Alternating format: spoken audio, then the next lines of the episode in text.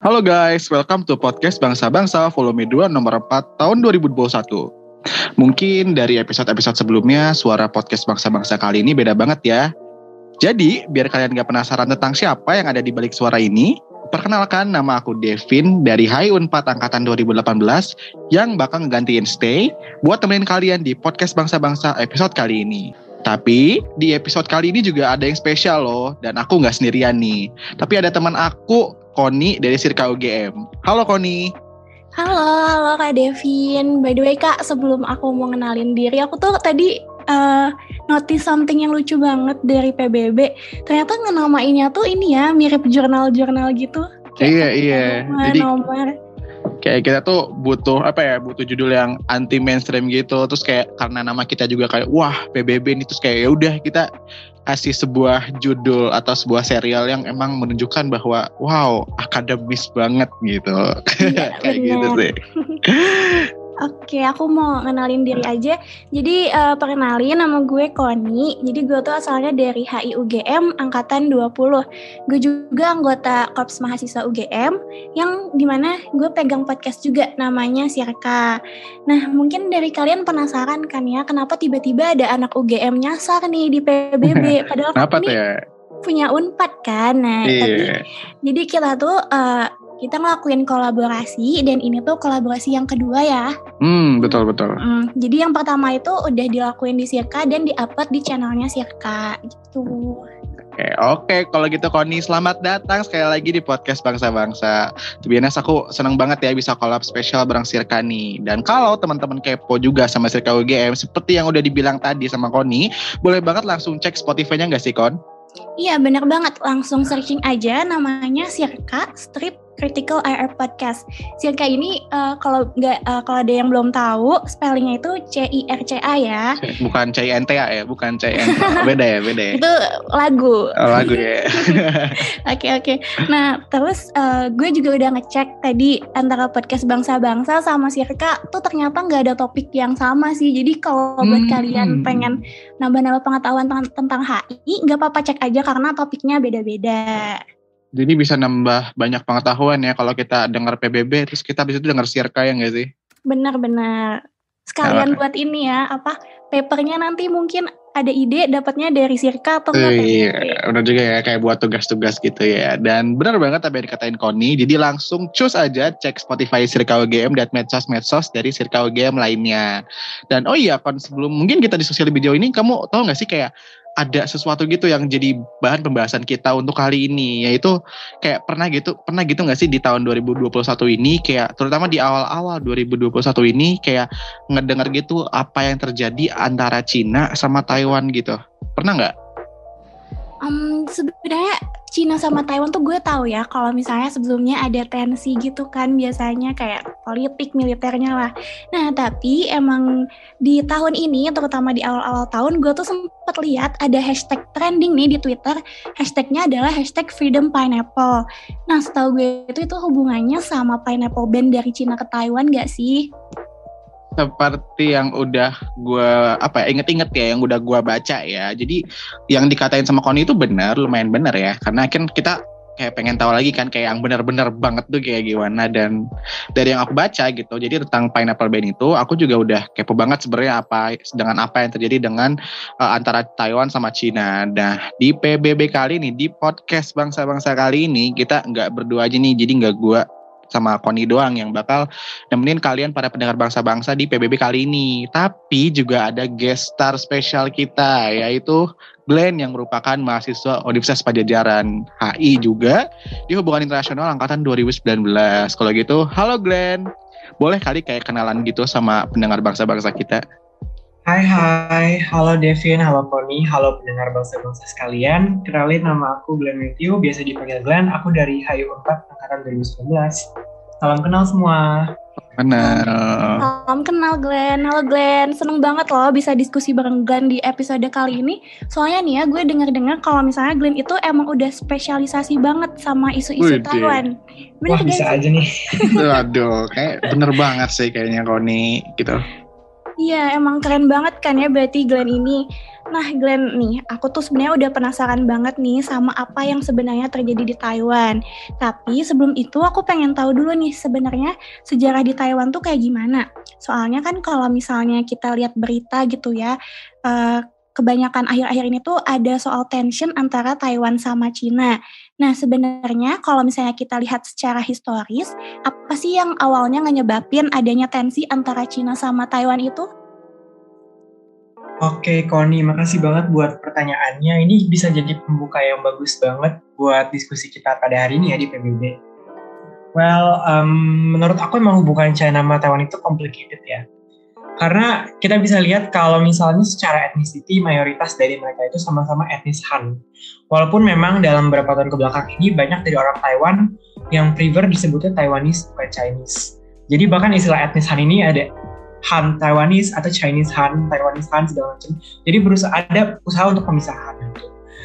Dan kalau misalnya kita bicara tentang tension yang panjang, uh, singkatnya itu China dan Taiwan itu dulunya sama-sama jadi bagian dari dinasti Qing. Dinasti Qing ini merupakan dinasti terakhir yang memerintah China yang berbentuk kerajaan gitu ya sampai tahun 1912. Dan kemudian walaupun waktu dinasti Qing ini runtuh, Taiwan ada di bawah penguasaan Jepang waktu itu sebenarnya waktu dinasti Qing itu. Jadi mm-hmm. dinasti Qing sempat nyerahin Taiwan itu ke Jepang di tahun 1895 lewat perjanjian namanya Shimonoseki. Tapi tahun 1945 begitu Perang Dunia II kelar, uh, kontrol atas Taiwan ini tuh dikembalikan ke pemerintah Cina yang saat itu dipegang oleh ROC namanya Republic of China. Jadi mungkin asing kali ya di tengah telinga pendengar gitu ya. Lo bukannya selama ini PRC, kok ini tiba-tiba ROC gitu. Nah mungkin sebelum ke situ aku mau jelasin lebih lanjut lagi. ROC itu sebenarnya udah pegang kontrol atas wilayah Cina lainnya sejak 1912. Jadi pas dinasti Qing runtuh, yaitu berdirilah ROC ini gitu, Republic of China. Tapi sekitar tahun 1927 itu ada namanya Chinese Civil War atau Perang Saudara Cina di bahasa Indonesia-nya, di mana ketika itu Kuomintang atau KMT singkatannya uh, sebagai kelompok nasionalis di sini mewakili ROC ya Republik of China itu berperang melawan kelompok komunis yang dipimpin oleh Partai Komunis China atau kita biasa sebut CCP Chinese Communist Party gitu istilahnya sekarang kayak ya, sering ada lah di media barat this is CCPX something like that dan itu mereka pokoknya berperang perang saudara. Sebenarnya perang ini sempat stop ya karena Jepang sempat invasi China kan ya. Uh, tapi akhirnya mereka perang lagi gitu loh. Dan dari hasil perangan ini, to be simplified, sebenarnya banyak yang bisa diceritain ya dari perang ini. Cuman poinnya bukan itu, tapi to be simplified, akhirnya tahun 1949 uh, KMT ini bisa dibilang kalah dan kemudian mereka merelokasi pemerintahan ROC ke Taiwan. Jadi hmm. sampai sekarang itu uh, ROC adalah Republic of China yang dulu berdiri 1912, tapi mereka relokasi ke Taiwan karena kalah perang dari Communist Party, Partai Komunis yang sekarang memerintah China. Jadi People's Republic of China atau Republik Rakyat China. Jadi uh, kebentuklah itu yang menjadi awal dari tension ini sampai sekarang. Nah, um, balik lagi dikit ke ROC itu, setelah mereka apa ya kabur lah ya melarikan diri gitu membentuk pemerintahan baru di Pulau Taiwan itu sampai sekarang itu ROC juga masih pegang yurisdiksi atas wilayah-wilayah lain di sekitar Taiwan gitu. Jadi bukan pulau mainland Taiwan itu aja yang mereka pegang gitu. Mereka juga pegang uh, wilayah lain seperti misalnya Kepulauan Penghu, terus juga pulau-pulau kecil yang bahkan lokasinya itu secara geografis lebih dekat ke mainland China daripada ke Taiwan sendiri yang mainland. Nah, pulau-pulau ini tuh adanya di dekat provinsi Fujian, itu di di pulau-pulau ini namanya Kinmen, Matsu, Uchu, dan beberapa pulau lainnya itu masih di bawah kontrol ROC. Nah, karena itu bisa dibilang dua-duanya itu sampai sekarang masih klaim atas seluruh wilayah yang dianggap China sebagai milik mereka. Jadi ya, mereka saling klaim I'm the only China, ROC I'm the only China, RRC bilang I'm the only China. Jadi oh, masih gitu, ada gitu, saling gitu. klaim, hmm, masih ada saling klaim yang gimana ya ini cukup unik ya kak. Karena kan kalau misalnya Korea Utara dan Korea Selatan mereka emang kepisah dan ada pengakuan dari negara lain. Iya ada ada ada perjanjiannya lah kira-kira hmm, gitu. benar. Nggak ada yang kayak mengakui oh maksudnya secara ini wah I am the only one. Apa ya maksudnya nggak ada pemaksaan konsensus mm -hmm. Hmm, hmm. maksa milih mana yang disebut Korea gitu kalau di kasus gitu. Iya, hmm. kalau di kasus ini ada yang ada usaha untuk kayak oh iya sama-sama China tapi yang mana China nih benar itu masih jadi perdebatan sampai sekarang dan um, apa ya tensi-tensi ini tuh masih berkembang terus yang sampai sekarang atau karena adanya klaim-klaim ini gitu oh gue China, lu China gitu. Jadi nggak ada yang mengalah gitu ibaratnya. Nah jadi apa yang kita lihat sekarang itu ada Taiwan, ada RRC itu cuma status quo aja sih karena uh, ya dua-duanya itu masih mengklaim sebagai perwakilan tunggal dari pemerintah China walaupun China kita nggak tahu China yang mana gitu loh, yang mana yang China beneran gitu. Dan uh, selama puluhan tahun juga ya dari khususnya sejak kursi PBB itu akhirnya diserahin ke RRC dari ROC Republic of China ke People's Republic of China itu tahun 1979 kan diserahin ya jadi kursinya itu udah nggak punya ROC lagi tapi punya PRC mereka tuh perang untuk dapat pengakuan dari negara-negara di dunia sebagai I am the only China. Mereka berusaha mendapatkan pengakuan siapa yang satu-satunya China? gitu. Walaupun emang sekarang ini hampir semuanya mengakui RRC ya karena kita nggak bisa deny RRC itu powernya besar banget sekarang. Uh, dan yang perwakilan dari Taiwan yang resmi itu makin dikit yang mengakui Taiwan sebagai the China.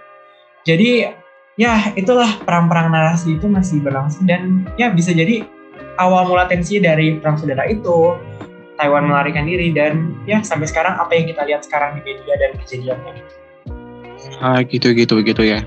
Jadi mungkin kalau aku yang dari dengar dari Glassry tadi kalau bisa gue katakan ya, jadi emang pada tahun 18 1895 tuh dasarnya ya uh, Taiwan tuh bukan Taiwan yang sekarang gitu kan ya. Jadi kayak sebuah pulau seperti biasa aja gitu. Dan setelah apa setelah perang dunia dua beres terus karena adanya perang saudara China juga antara Kuomintang sama uh, eh, ROC eh sama RR sama Partai Komunis Cina ya sama Partai Partai Komunis Cina dan itu menghasilkan si Kuomintang atau ROC-nya itu kabur untuk apa ya establish pemerintahan Cina di Taiwan gitu. Jadi kan istilahnya Taiwan sebelum itu kan kayak cuman pulau biasa ya. Cuman setelah Kuomintang kabur ke Cina eh ke Taiwan itu langsung jadi sebuah negara gitu ya. Iya, awalnya mereka hmm. emang bersatu kan ya sebagai bagian dari dinasti Qing gitu. Dan hmm. emang dibalikin lagi gitu ke wilayah ROC gitu. Cuman karena perang akhirnya pulau itu dipilih untuk memindahkan pemerintahan gitu dari ROC yang kapan. Ah gitu gitu ya. Jadi kayak Komintang tuh lebih ke ah nggak mau komunis aja lah terus kayak ya udah gue pindah bikin negara bukan baru aja lah gitu tapi dalam Cina juga gitu kayak negara baru tapi Cina juga gitu kan jadi kayak apa ya, bikin dua negara gitu kan mungkin pemikiran Komintang dulu kayak gitu ya terus jadi juga aku sempat sempat ngedengar soal terkait dari bagaimana perang saudara ini yang pemisahan Taiwan dari Cina mainland atau yang biasa kita sebut sebagai RRC Republik Rakyat Cina itu juga menyebabkan adanya sebuah konflik yang sampai sekarang masih terjadi di antara Taiwan dan Cina. Tapi sebelum itu aku pengen nanya lagi nih. Jadi kan uh, di Taiwan sendiri kan karena udah punya negara tersendiri ya, karena udah negara independen gitu uh, aku pengen nanya nih kira-kira di Taiwan sendiri itu spektrum politiknya seperti apa sih dan apakah ya apakah sistem politik yang berbeda di Taiwan sendiri itu bahkan memengaruhi hubungan Taiwan serta Cina yang memang sudah lama sejak Perang Dunia II berakhir itu sudah sangat buruk. Mungkin gimana tuh Glenn? Aku aku penasaran juga sih. Oke, okay mungkin kalau kita bicara soal Taiwan istilahnya tuh bukan self independence ya tapi dia self governed island karena itu takutnya trigger Cina gitu. Biasa media-media barat tuh pakainya self governed island gitu untuk kayak shade kalau mereka tuh terpisah gitu. Tapi overall uh, intinya emang kalau kita bicara soal sistem politik gitu ya um, apa ya kita mungkin bakal lebih fokus ke Taiwan aja kali ya kalau dalam pembahasan ini karena menurut aku secara umum stance China itu China mainland ya PRC itu akan sama gitu. Karena seperti kita tahu hanya ada satu partai yang memerintah di sana dari tahun 1949 sampai sekarang gitu. Dan ini beda banget sama Taiwan karena Taiwan itu bisa dibilang adalah wilayah yang menerapkan demokrasi gitu atau let's say negara demokrasi gitu. kalau kita bisa consider Taiwan sebagai negara uh, demokrasi ini kemudian yang menentukan dan mengaruhi masa depan Taiwan serta apa yang terjadi di Taiwan sekarang, termasuk dalam hubungan mereka dengan China. Misalnya kita lihat ya kalau in terms of spektrum politik gitu ya, kita bisa lihat ada dua spektrum partai politik yang posisinya saling berlawan di Taiwan. Uh, yang pertama ada kelompok Blues Party itu didominasi oleh KMT atau Komintang yang tadi disebut dan Green Parties itu didominasi oleh DPP. Sebenarnya DPP ini masih lebih baru ya karena uh, Taiwan itu nggak nerapin demokrasi dari awal sebenarnya. Mereka tuh baru mulai ada pemilihan langsung terhadap presiden itu bahkan tahun 80-an juga sih. Jadi kayak uh, udah ada demokrasi tapi emang nggak dari awal kabur ke Taiwan itu harus sih demokrasi demokratis gitu negaranya. Nggak pemilihan langsung itu berada sekitar tahun 80-an gitu kalau aku nggak salah. Tapi emang nggak dipungkirin dari ada spektrum-spektrum ini uh, ada berbagai tendensi yang berbeda di antara keduanya. Kalau misalnya mimpin dari uh, Blues Party atau KMT atau Green Party dari DPP itu tendensinya pasti berbeda. Sikap sama China ini juga berbeda. Uh, misalnya nih ya secara umum KMT atau Komintang itu seperti yang udah disebutin di sebelumnya juga itu kan mereka yang kekeh ya. Bukan kekeh sih ya kekeh juga lah ya tapi mereka itu salah satu yang meyakini atau berpegang pada prinsip uh, dan konsensus bahwa hanya ada satu Cina satu China ini mereka pegang sama Beijing juga dalam satu konsensus tahun 1992 walaupun namanya konsensus tapi mereka berdua nggak ada yang sepakat siapa China-nya gitu tapi mereka bilang kayak oh ya there is one China tapi mereka nggak admit siapa yang China yang benar ini uh, stance dari DPP ini beda banget sama eh DPP dari Komintang maksudnya. Stance dari Komintang ini beda banget sama DPP yang lebih mengedepankan posisi untuk menciptakan separate identity antara uh, Taiwan dengan China gitu. Posisi ini uh, mereka menciptakan apa yang disebut sebagai Taiwanese identity yang berkembang seiring meningkatnya dukungan generasi muda Taiwan terhadap kemerdekaan Taiwan. Jadi generasi muda di Taiwan ini emang banyak yang identify diri mereka sebagai Taiwanese. Bahkan in general, masyarakat Taiwan itu lebih identify diri mereka sebagai Taiwanese bukan Chinese gitu. Karena di pikiran mereka tuh udah nggak ada konteks unifikasi sama China gitu. Oh ya, yeah, we are self-governed for several decades sudah lama banget. Jadi kayak ya kita emang beda gitu. Ada ada identitas tersendiri. Dan pemikiran ini populer gitu. Karena emang gak heran juga sih ya, karena selain di Taiwan juga mungkin kalau kita bicara Hong Kong, Macau itu kalau orang-orang di sana uh, Mandarin speakers nation itu biasanya nyebut uh, mainland China itu Talu gitu, artinya daratan besar gitu ya. Jadi uh, ya mereka mendistinguish diri mereka berbeda gitu dengan orang-orang dari Talu atau mainlander ini gitu. Uh, ya itu juga istilah yang sering dipakai orang luar juga kan. Oke, okay. dan mungkin balik lagi sedikit ke spektrum. Misalnya kalau kita boleh ambil contoh dalam konteks hubungan ekonomi ya kan tadi masih general ya intinya kalau KMT itu lebih berpegang pada unifikasi dan segala macam dan kalau misalnya DPP itu lebih ke separate identity gitu. Tapi kalau misalnya kita boleh ambil contoh dalam konteks hubungan ekonomi gitu ya misalnya bidang ekonomi uh, kelompok yang mendukung Blues Party ini yang didominasi oleh Komintang itu mereka ini pendukungnya itu cenderung mendorong terciptanya hubungan ekonomi yang lebih dekat dengan China. Karena mereka melihat fakta kalau misalnya China itu beli banyak barang ekspor Taiwan gitu setengahnya dan bahkan lebih gitu kadang-kadang dalam beberapa sektor gitu.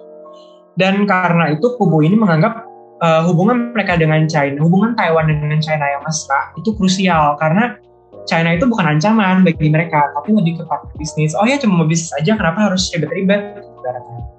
Tapi uh, ini beda pandangan ya dari kelompok DPP pendukungnya DPP ini Democratic Progressive Party ya DPP itu kepanjangannya. Uh, mereka ini ngelihat kalau misalnya hubungan sama China yang semakin dekat itu berbahaya karena menciptakan dependensi atau ketergantungan dan juga koersi ekonomi dari China kepada Taiwan. Dan uh, kelompok ini seperti yang aku mention tadi juga dalam beberapa waktu belakangan ini juga lebih prefer penyebutan Taiwan sebagai mereka dari mana dari Taiwan bukan ketimbang sebutan Republic of China gitu. Walaupun sampai sekarang nama resmi dari Taiwan itu adalah Republic of China gitu. Nah, tapi terlepas dari dua spektrum ini, ini seakan-akan kalau aku ceritain kan spektrumnya, oh mereka semua hardliner, hardcore gitu ya, kayak uh, Komintang benar-benar anti sama apa namanya kemerdekaan. Terus misalnya DPP benar-benar anti sama unifikasi. Tapi the fact is gak ada yang benar-benar pengen merdeka, gak, ambil hardcore untuk merdeka, gak ada yang pengen benar-benar hardcore untuk unifikasi. Walaupun ada asosiasi dari kedua partai itu terhadap stand-stand seperti itu gitu.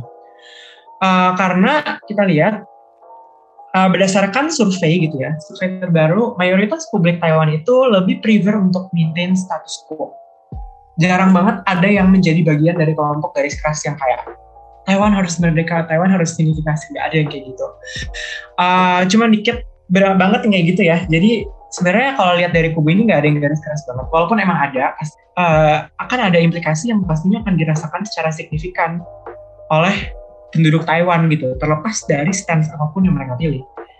Uh, misalnya ekonomi itu juga bisa mengancam, karena kan kita sendiri kok KMT itu bilang hubungan dengan China nggak mengancam karena barang-barang partner bisnis ya China itu karena barang Taiwan banyak dibeli sama China. Tentunya kalau mereka hardcore uh, kalau misalnya orang DPP mau hardcore untuk merdeka gitu ya, pasti mereka juga mikir, oh ya benar juga pemikiran orang KMT ini ya. Kita kalau misalnya stance keras, ntar susah nih buat bisnis sama China, rugi atau segala macam. Dan sebaliknya juga, orang DPP itu nggak mau unifikasi karena uh, kita tahu sendiri China itu sering crackdown terhadap demokrasi dan freedom of speech.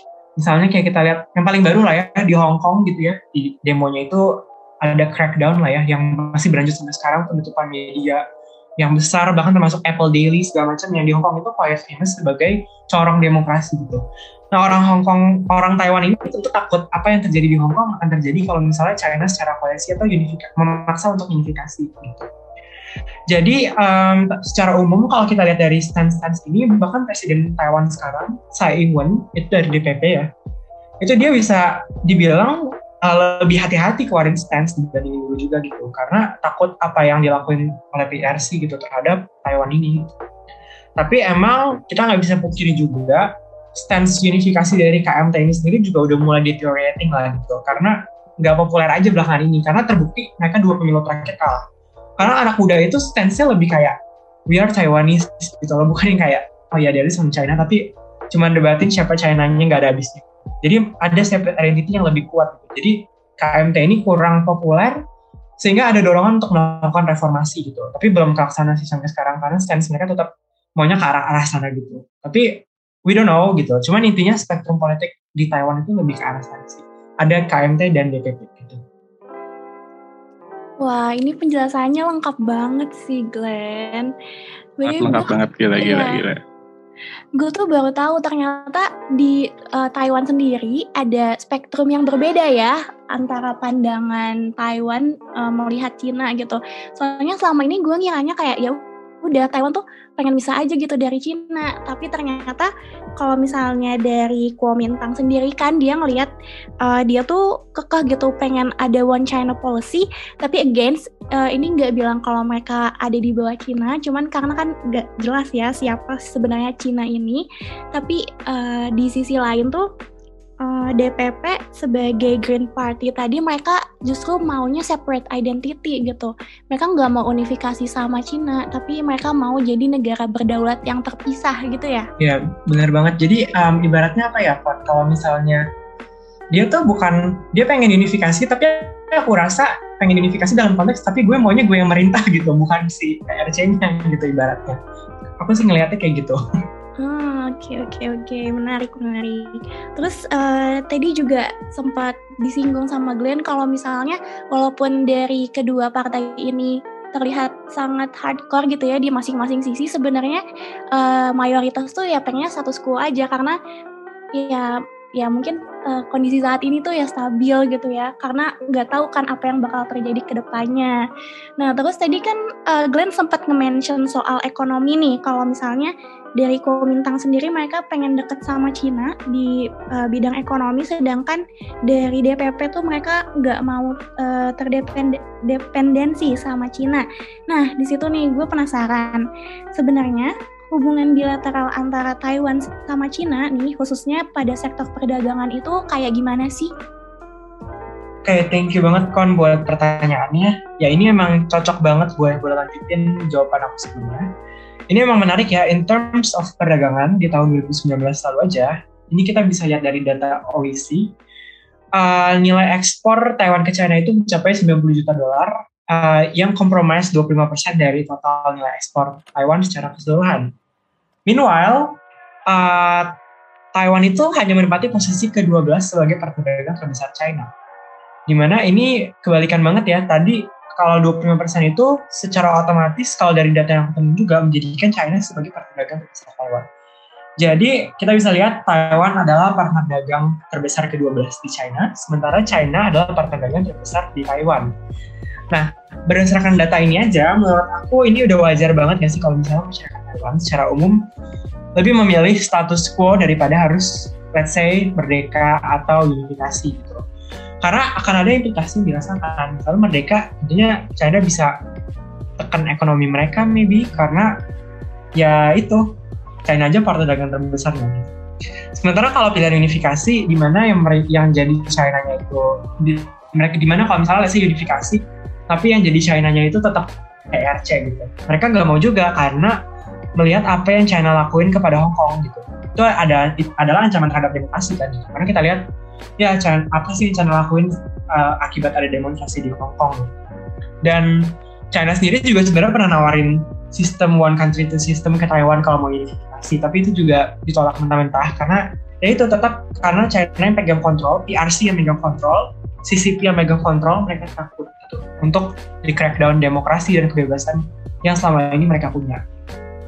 Jadi um, kalau kita lihat lebih lanjut lagi, ini juga ada data lagi dari surveinya dari Pew Research Center uh, from 2019 itu ada data kalau uh, majority majority of Taiwanese atau mayoritas masyarakat Taiwan even tadi yang aku bilang ada yang dukung KMT yang lebih apa ya lebih maintain apa hubungan lebih dekat dengan China itu lebih pendukung hubungan ekonominya aja yang lebih dekat bukan hubungan politiknya.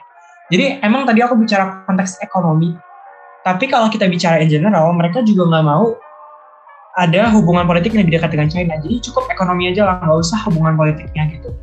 Ini aku rasa surveinya general ya, jadi nggak mencakup pendukung KMT aja atau DPP aja gitu, tapi semuanya gitu. Jadi buat DPP atau KMT itu pendukungnya uh, lebih prefer juga hubungan ekonomi aja.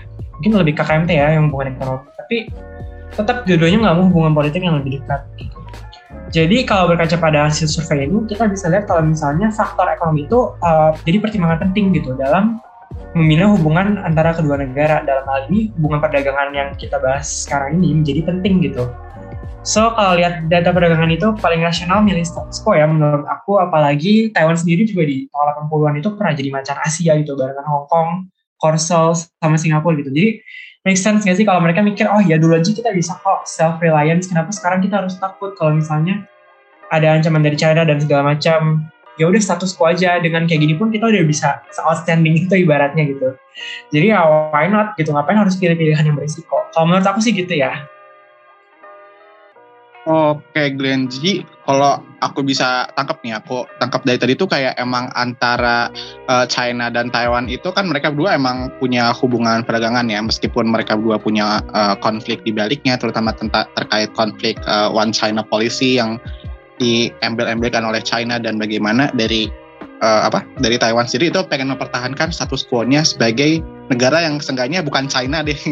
Kayak negara apa aja yang penting bukan China gitu. Nah, jadi kan emang meskipun mereka berdua punya sejarah yang kurang baik, punya perdagangan juga dan di sini bagi Taiwan, China itu merupakan salah satu partner perdagangan yang terbesar bagi Taiwan karena cukup gede ya juga share-nya terkait perdagangan uh, Taiwan di uh, China juga. Tapi sebaliknya uh, Cina sendiri itu dengan Taiwan, Taiwan sendiri cuma memposisikan uh, sebagai partner perdagangan Cina tuh cuma kayak ranking 12 ya kalau nggak salah ya tadi ranking 12 gitu. Iya, benar banget cuma hmm, ranking 12. Iya, ranking 12. Jadi kayak meskipun ya di sini hubungan Cina amit-amit ya, tapi ya misalnya hubungan-hubungan uh, China dan Taiwan itu putus, mungkin bagi China itu nggak ada masalah, tapi mungkin Taiwan itu mungkin cukup mem akan membuat sebuah masalah yang cukup besar ya. Nah, selanjutnya ya, mungkin aku pengen nanya lagi nih Glenn. Jadi kan yang dari aku tahu nih, pineapple ban itu adalah si China yang ngelarang impor nanas dari Taiwan gitu kan ya. Nah, padahal yang aku tahu nih, Cina itu salah satu pasar terbesar bagi nanas Taiwan gitu. Jadi misalnya ya, China sering banget ngeekspor uh, ngeimpor ngeimpor nanas dari Taiwan. Nah, kira-kira dari situ kenapa sih pineapple ban ini bisa terjadi? Oke, jadi ini kita udah mulai masuk ke topik yang tadi kalian pengen dengar lagi lanjut. Iya, aku aku penasaran banget nih. Oke, akhirnya setelah kita uh, breakdown beberapa topik ya, historical context udah, spektrum politik udah, dan tadi perdagangan lah ya. Uh, mungkin sekarang kita bisa masuk ke pineapple ban sendiri. Jadi, kenapa sih ada pineapple ban? Um, kalau kita mau lihat dari alasan yang diplomatis, alasan yang resmi dari Tiongkok, RC, itu kenapa ada pineapple ban? Uh, menurut mereka bilang tujuannya untuk melindungi produk agrikultur asli mereka, asli mereka yang di China itu. Karena menurut mereka itu bisa merusak ke, kena kealamian, bisa kayak bawa hama gitu ya Kalau yang biasa kan ini sebenarnya banyak kasus kayak gini gitu loh, kayak melarang bawa produk agrikultur segala macam. Tapi masalahnya menurut pihak Taiwan 99,97 persen atau almost semua nanas yang diekspor ke China itu lolos screening gitu selama ini. Jadi bisa dibilang sejatinya pineapple band, pineapple ekspor ini ke China sebenarnya fine fine aja, nggak ada bawa virus atau apa ke tanaman China gitu loh. Jadi alasan mereka buat melindungi produk agrikultur tanda kutip itu bisa dibilang uh, apa ya penerapan bentuk sanksi dari mereka dari RRC kepada ROC Taiwan uh, ya political tool lah ya untuk melemahkan posisi dari Taiwan dari Presiden Tsai Ing-wen dari DPP dan uh, ya ini bisa dibilang juga secara umum merupakan usaha China RRC untuk menggertak Taiwan gitu. Nah mungkin kenapa sih sampai harus digertak gitu ya?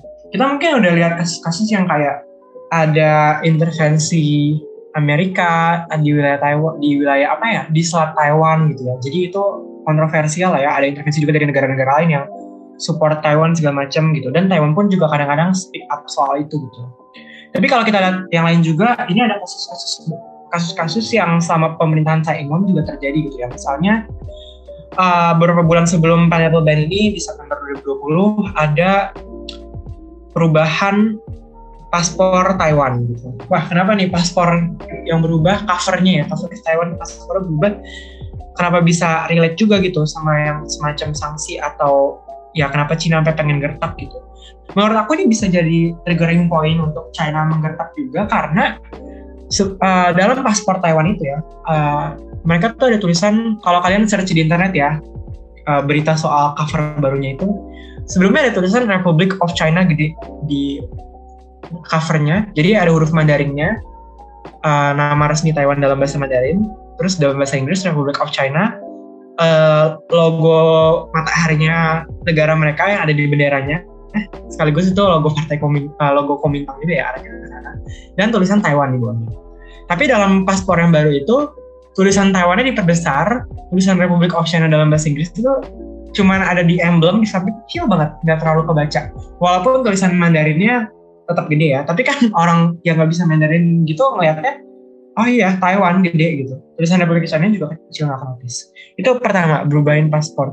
Itu cukup krusial sih karena menurut aku itu secara langsung menunjukkan indikasi kalau ya we are Taiwan gitu lah. Yang berusaha ditunjukkan oleh government Taiwan yang dipimpin oleh presiden dari DPP dalam hal ini saya Uh, aside of that, uh, kita juga bisa lihat dari kasus kalau kalian ikutin berita soal Taiwan ada referendum untuk mengubah nama mereka nama perwakilan kontingen negara mereka saat akan berlomba di Olimpik gitu atau let's say secara internasional gitu.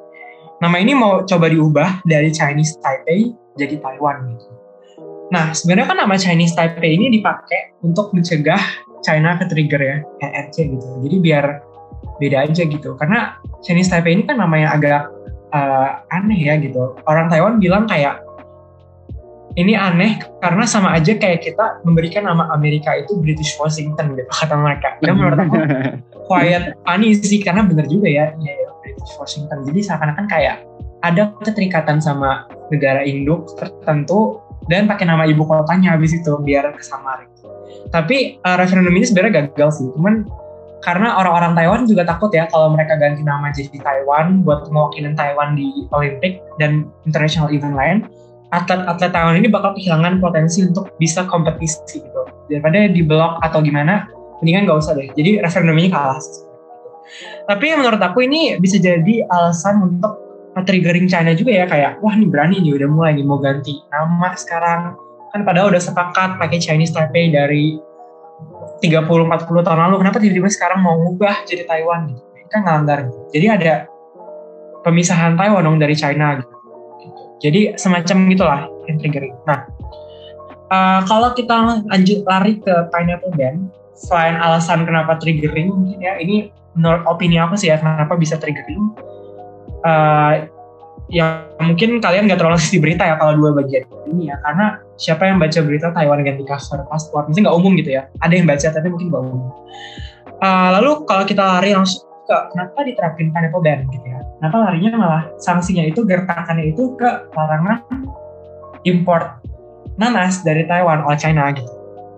Oke, kita harus tahu dulu nih, maksudnya kita udah ngomongin perdagangan Taiwan sama China itu banyak segala macam, tapi kenapa sih pineapple ban gitu? Karena ini perorangan penjual produk ini berdampak pada Taiwan karena hampir seluruh produk uh, buah-buahan yang dihasilkan Taiwan itu dijual ke China.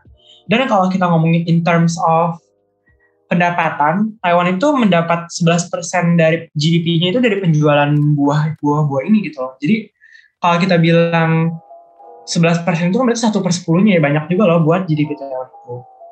Dan itu tentu signifikan ya, karena kalau kalian tahu juga mungkin aku sendiri pernah dapat oleh-oleh beberapa kali ya dari teman atau saudara yang pulang dari Taiwan kalau dulu sebelum covid ya masih bisa jalan-jalan itu tuh biasanya nanas dari Taiwan nanas kue nastar gitu ya Nah itu tuh berarti mengindikasikan kalau menurut aku ya itu bisa dibilang juga nanas juga bentuk kayak national product, national fruit gitu dari Taiwan. Jadi pasti produksinya masif dan signifikan. Gitu. Jadi, jadi banyak kayak nanasnya di Taiwan gitu sampai akhirnya ya udah. Nah, dan kalau kita lihat kenapa harus ban buah, kan masih ada sektor lain, ini cuma 11% loh, masih ada sektor lain. Aku ngeliatnya segini ya, bisa aja mereka juga ngeban kayak flight ban atau travel ban dari China Tapi konteks pineapple ban ini terjadi saat pandemi COVID-19 masih ada di dunia gitu loh. Jadi kalau nerapin travel ban atau flight ban gak guna nggak sih? Karena gak ada yang jalan-jalan juga gitu ke China Taiwan gitu. Jadi uh, ya kalau travel ban ini mungkin gak efektif, jadi akhirnya diterapkan pineapple ban karena berdasarkan hasil GDP tadi cukup besar dan ini juga bisa dibilang national product, national identity. Jadi menurut aku itu sih kenapa ada pineapple ban juga. Ah, oke oke. Jadi sebenarnya pineapple ban yang kata Cina ini mereka nuduh Taiwan itu bisa apa nanasnya bisa ngerusak agrikultur ya. Jadi ada agenda politik di baliknya gitu. Terus uh, gue juga pernah baca gitu sih di berita katanya emang Cina sendiri tuh mereka nggak bisa nyediain bukti nggak sih kalau misalnya emang ada hama yang di buah nanas gue tuh kalau baca iya gitu. benar-benar kayak gak ada buktinya cuman ya udah katanya merusak tapi buktinya mana gitu nggak ada kan iya jadi emang ya udah jelas lah ya emang ada hmm. agenda politik dan ini tuh berkaitan sama ini ya bisa dibilang belakangan ini tuh pemerintahnya Chai Ing-wen dari DPP yang the ruling uh, ya the ruling partinya di Taiwan tuh mereka kayak semakin ada usaha lah ya walaupun nggak yang menurut aku sih kayak lumayan kecil tapi sebenarnya signifikan untuk memperkuat identitas mereka sebagai ya separate entitas politik gitu. Nah terus tadi Glenn juga sempat ngebahas soal kenapa sih buah-buahan kenapa nanas gitu. Yang pertama karena emang mereka nyumbang GDP-nya gede banget dan uh, gue kaget sih ini 11% buah-buahan doang gitu. Kan biasanya kayak agi, uh, sektor agrikultur, tapi ini tuh kayak buah-buahan doang. Dan uh, emang mereka hampir semuanya dijual ke Cina. Jadi pastinya ini dari segi ekonomi dampaknya pasti gede banget sih kalau misalnya ada band pineapple gitu. Nah terus di sisi lain juga nanas ini tuh ya bisa dibilang trademarknya Taiwan gitu karena ini kan national fruitnya gitu. Jadi secara gak langsung bisa dibilang juga gak sih kayak oke okay, ini tuh nyerang identitas Taiwan gimana Glenn? Iya, benar banget sih. Bisa aja uh, ini jadi konteksnya ya sekalian nyerang identitas ya. Kan 11% itu juga pasti buah-buahan banyak lah ya. Nggak mungkin 11% nanas semua nggak sih. Tapi karena aku bilang tadi, uh, Taiwan itu trademarknya nanas ya kayaknya. Walaupun aku juga mm -hmm nggak tahu cara pasti ya ini bener gak sih mereka national product atau national fruit tapi kalau aku lihat oleh-oleh dari sana tuh mostly kayak nanas kering, nanas buah, nanas apa pokoknya semua nanas-nanas. Jadi kayaknya emang gitu ya arahnya. Oke, nah terus nih gue penasaran. Tadi kan di awal kita ngomongin soal hashtag Freedom Pineapple ya yang kami di Twitter itu. Nah itu tuh kenapa sampai bisa muncul uh, hashtag itu? Itu tuh berarti kayak usaha Taiwan untuk ini ya mengatasi ban dari Cina, benar gak sih? Oke, iya jadi ada ya fenomena hashtag Freedom Pineapple gitu ya. Nah, uh, ini menarik ya karena jadi kayak semacam gerakan solidaritas gitu ya. Mungkin kalau kita sebagai orang Indonesia yang lihat Twitter Indonesia segala macam, aku pribadi juga ya sebagai pengguna Twitter Indonesia, mungkin nggak ngeliat ya hashtag ini karena uh, ini lebih banyak digunakan oleh Mandarin speaker sih rasanya kalau yang benar-benar dari grassroots gitu ya mereka pakai hashtagnya dalam bahasa Mandarin juga dalam artian dalam bahasa Mandarin ini mereka menerjemahkan freedom ini jadi saya Fengli gitu jadi mereka pakai hashtag ini gitu pakai huruf Mandarin juga jadi sebagai speaker Indonesia mungkin kita nggak akan menemukan tapi um, pejabat-pejabat Taiwan itu Presiden Tsai Ing-wen dan juga Menteri Luar Negeri mereka itu waktu itu dalam bahasa Inggris. Jadi emang ada beberapa konteks yang kebaca juga sih secara internasional. Berusaha menarik perhatian uh, masyarakat dan komunitas internasional kalau ada threat terhadap Taiwan nih dalam hashtag Freedom Pineapple ini. Nah, dalam konteks cuitan dalam bahasa Inggris itu, ini aku mau meng-highlight cuitan dari Menteri Luar Negeri Taiwan Nah, Menteri Luar Negeri tahun ini dalam konteks Twitter itu mau mengajak bangsa-bangsa dunia yang berpikiran sama untuk bersatu di dalam kampanye Freedom Pineapple ini. Berpikiran sama ini di Twitter itu like-minded ya dibilangnya gitu ya kalau dalam bahasa Inggris gitu. Nah maksudnya like-minded atau berpikiran sama itu apa sih? Uh, yang aku bisa terjemahkan itu dalam konteks Freedom Pineapple ini, ini menjadi ajang solidaritas dari mereka yang mau mendukung kebebasan atau independensi Taiwan dari China. Jadi muncullah tagar ini dan mereka yang berpikiran sama, mereka yang mau mendukung kebebasan atau independensi Taiwan dari China itu menggunakan hashtag ini gitu, sebagai suatu bentuk solidaritas. Karena seperti yang aku bilang tadi, uh, China itu kan RRC dianggap sebagai ancaman terhadap demokrasi Taiwan gitu. Di mana ini menjadi alasan banyak yang menolak unifikasi juga. Dan kalau misalnya KMT pun yang lebih tendensi ke unifikasi pendukungnya dan partainya, itu juga dalam survei secara umum juga mayoritas lebih prefer untuk uh, secara ekonomi aja nggak secara politik. Nah, jadi bisa dibilang negara-negara ini yang diajak ini mempunyai pikiran serupa untuk mendukung demokrasi Taiwan atas uh, sebagai bentuk solidaritas lah ya karena Taiwan di sisi China yang China yang dianggap sebagai si pengancam demokrasi gitu. Nah uh, dari tagar ini juga secara umum kita bisa lihat sih akhirnya emang ada negara-negara yang memposisikan diri sebagai like-minded nations. Misalnya Jepang. Jepang ini masyarakat dan bahkan negaranya sendiri membantu uh, penjualan nanas Taiwan gitu. Mereka langsung menggantikan posisi China sebagai importer nanas terbesar di Taiwan. Bahkan kalau aku baca lebih lanjut ya waktu itu itu sampai ke grassroots ke petani-petani gitu mereka minta tolong gitu loh supaya kayak ayo bantu gitu gitu bantu sesama petani konteksnya gitu cuman kayak smart sih gitu. Petani mungkin nggak aware terhadap isu itu. Ada beberapa petani yang mungkin nggak aware, jadi dipakailah isu bantulah sama petani gitu. Petani nanas juga, petani nanas Jepang bantu petani nanas Taiwan gitu. Atau secara konteks masyarakat Jepang membantu petani nanas Taiwan gitu. Jadi ada istilah seperti itu yang menurut aku keren sih karena tarik perhatian dan emang tapi jualan jadi naik cepat. Dan uh, selain dari Jepang, kita juga bisa lihat kalau ada peningkatan penjualan nanas Taiwan dari Hong Kong, wilayah yang secara gak langsung bagian dari China, tapi dia ada dalam payung one country system di mana kebijakan yang diterapkan China ini jadinya nggak berlaku di Hong Kong karena Hong Kong kan punya hukumnya sendiri gitu kan, jadi nggak berlaku gitu. Jadi penjualannya juga meningkat di Hong Kong.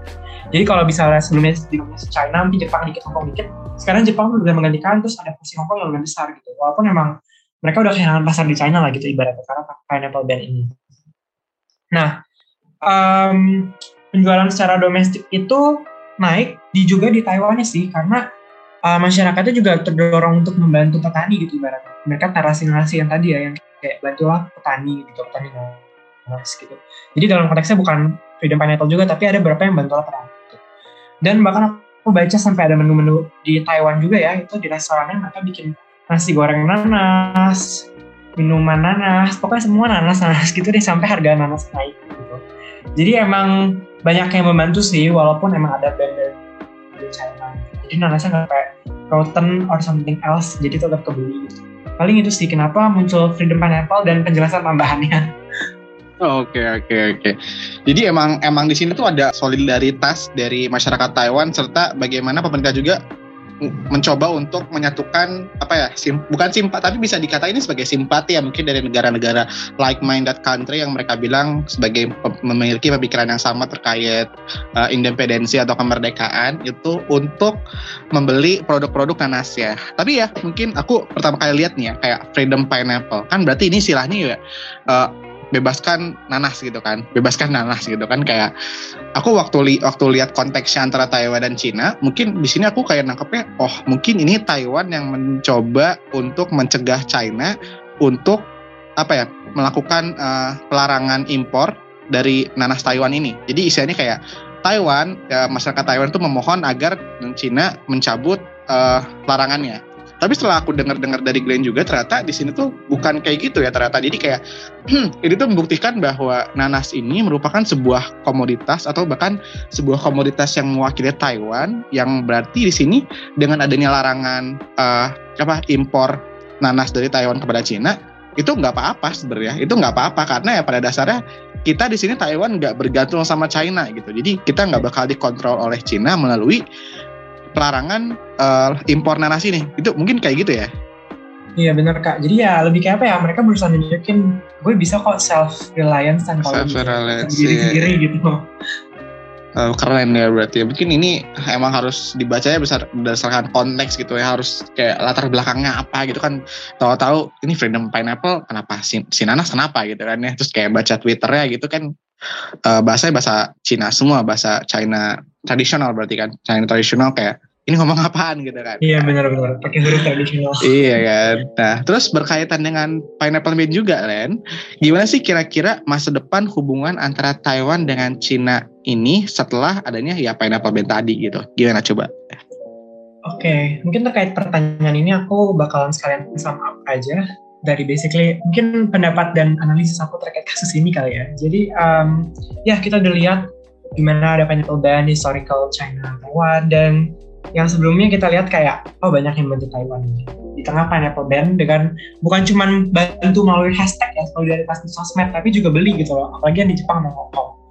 Tapi um, gimana ya ini kan banyak yang bantu sama pineapple ban dan penjualan juga terbukti meningkat.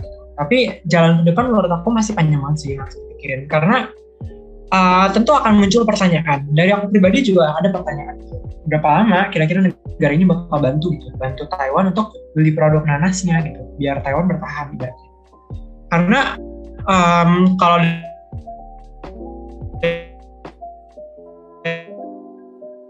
dari segi politik Taiwan sendiri menurut term politik berat gitu. loh untuk uh, kita bilang tadi KMP itu mau nggak mau juga harus reform. Walaupun belum ada bukti nyata ya tapi mereka tuh udah kalah pemilu dua kali gitu loh. Pasti mau nggak mau kelama kelamaan akan ada reform supaya lebih relevan sama anak muda gitu. Dan apa ya lebih align sama Taiwanese identity yang lebih didukung anak muda. Ya, jadi reformasi sih biar kalau mereka tetap mau menang pemilu harus pemerintah di Taiwan gitu tapi lambat laun juga partai lainnya ini di spektrum yang berbeda DPP itu menurut aku juga harus lebih hati-hati dalam ngeluarin stance politik gitu loh. Atau kayak kebijakan-kebijakan lah dalam ke depannya gitu. Harus lebih hati-hati gitu loh. Karena kita nggak bisa dibungkirin kalau misalnya secara perdagangan itu emang China itu partner dagang terbesar Taiwan gitu banyak beli produk Taiwan. Karena kita tahu marketnya mainland China itu besar banget penduduknya satu miliar lebih. Dan itu emang menggiurkan untuk semua pasar masukin gitu kan jadi harus ada stance karena jujur aja aku nggak tahu sih ya implikasi seriusnya tuh gimana ke depannya. Karena kita kan nggak tahu negara-negara ini bakalan bantu Taiwan sampai kapan gitu. Misalnya Jepang dan Hongkong kalau pineapple ban tiga tahun atau empat tahun apakah akan terus membeli produk pineapple itu gitu? Sedangkan pasar mereka kan nggak sebesar pasar China. Penduduk Jepang cuma 100 jutaan dan Hongkong ya lebih dikit lagi karena dia cuma kota basically Uh, tapi aku juga nggak bisa deny kalau misalnya status quo yang ada sekarang itu tuh nggak bisa dipertahankan selamanya gitu. Karena it's impossible for me to defend karena China juga makin kuat kan ya. Dan status quo ini juga menurut aku agak tricky sih ya sampai sekarang. Itu ke depannya bakal gimana gitu? Nggak bisa dipertahankan.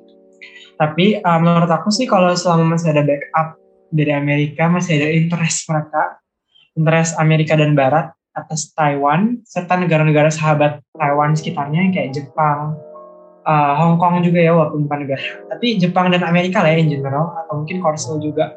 Itu tuh mungkin Taiwan masih bisa bertahan tuh. Kalau misalnya dari gertakan Cina ya, kalau misalnya masih ada interest yang memungkinkan negara-negara ini untuk ya udah punya interest di Taiwan jadi mereka berusaha mempertahankan Taiwan sebagai dalam satu quo ini gitu. Tapi uh, ini susah juga ditentuin karena uh, kita juga nggak tahu seberapa lama kepentingan negara-negara ini atas Taiwan gitu ya. Dan we'll see, we, we shall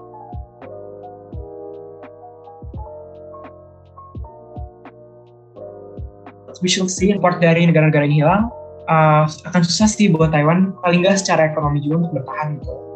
Karena ya ini penjualannya kebantu karena ada simpati solidaritas. Tapi untuk ke depannya kalau emang simpati atau solidaritas ini udah nggak memenuhi interest negara-negara ini gimana we never know dan ya yeah, I just hope for the best untuk Taiwan dan China lagi dalam berbagai aspek sih benar-benar juga ya. karena karena kalau kita ngandalkannya kayak solidaritas atas dasar simpati atau empati mungkin ya kayak susah aja gitu kita bisa meramal ini tuh sampai kapan gitu. Bakal tren ini tuh bakal sampai kapan gitu. Karena karena nggak ada kesepakatan resmi juga mungkin ya antara Taiwan dan Hong Kong mungkin antara antara Taiwan dan Jepang tuh nggak ya nggak ada kesepakatan terkait jual beli impor ekspor nanas. Jadi kayak kita juga nggak tahu kan ya kita nggak bisa meramal juga gitu. Dan terutama ini juga mungkin kayak dengan adanya ancaman China juga ya karena China sendiri uh, sekarang sekarang udah mulai kuat juga kembali kuat mungkin ya sejak ada sejak adanya COVID-19 di kawasan Asia gini mungkin makin kuat juga dan dengan perekonomian baik Hong Kong dan Jepang sendiri yang juga ikut memburuk karena COVID mungkin bakal membawa sedikit perubahan ya gitu. Dan bisa iya, dilihat juga bahwa iya sih iya ya dari sini juga kalau dari gue ya kan ini tuh masalahnya kayak kurang lebih kayak awal awal tahun lah ya awal dari tahun 2021 dan mungkin karena sekarang kita udah me, me, apa ya udah mendekati akhir dari 2020 akhir tahun.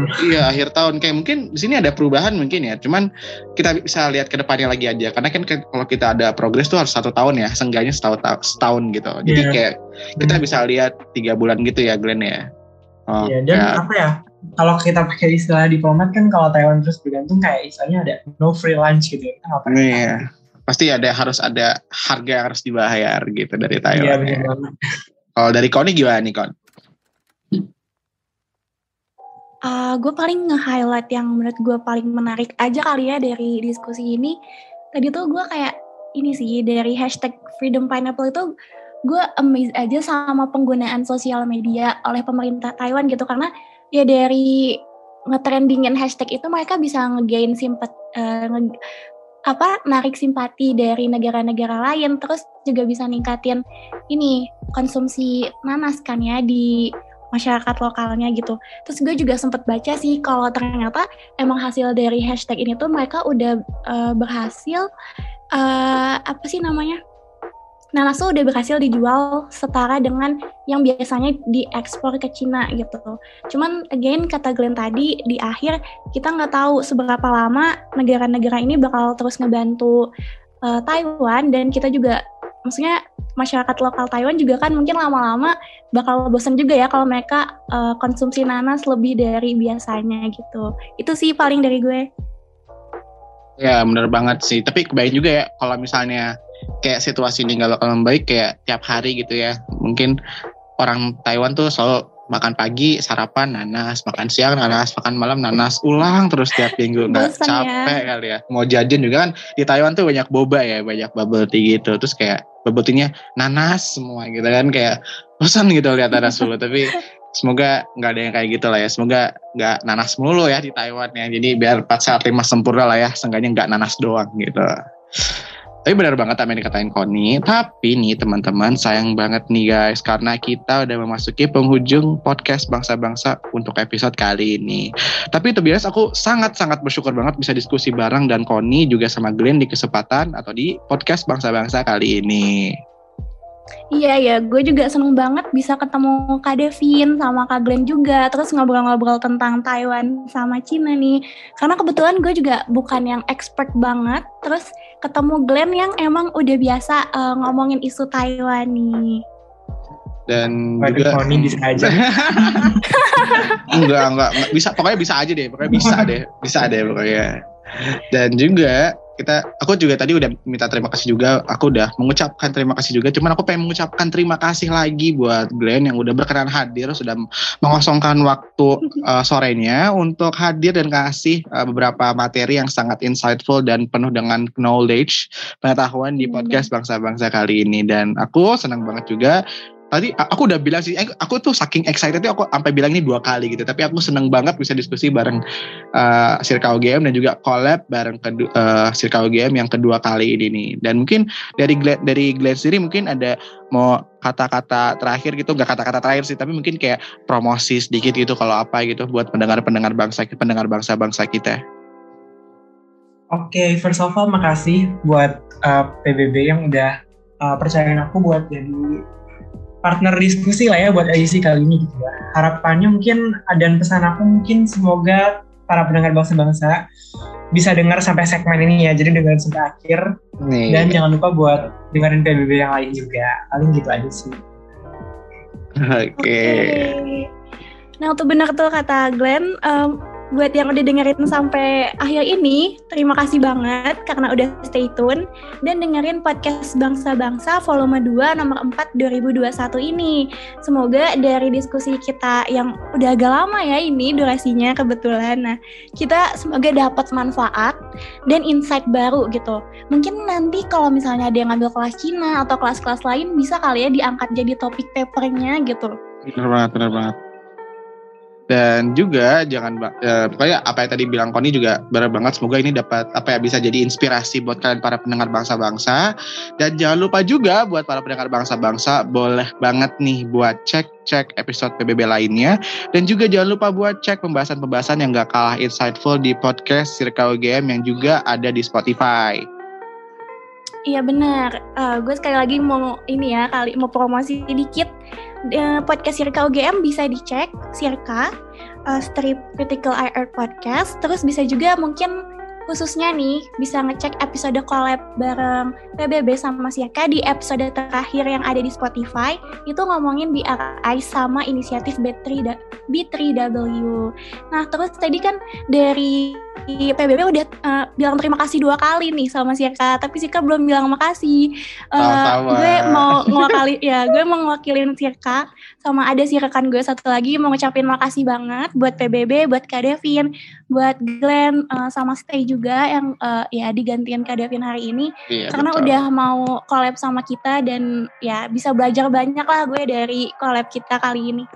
Sama-sama, semoga uh, kita juga bisa mengambil hikmahnya lah ya. Kita bisa ambil berbagai ilmu yang kita dapatkan dari podcast-podcast yang kita lakukan juga Sirka UGM gitu. Oke, okay, kalau gitu untuk menutup podcast kali ini mungkin kita mau penutup dulu ya. Mungkin kalau gitu aku Devin dan aku Koni.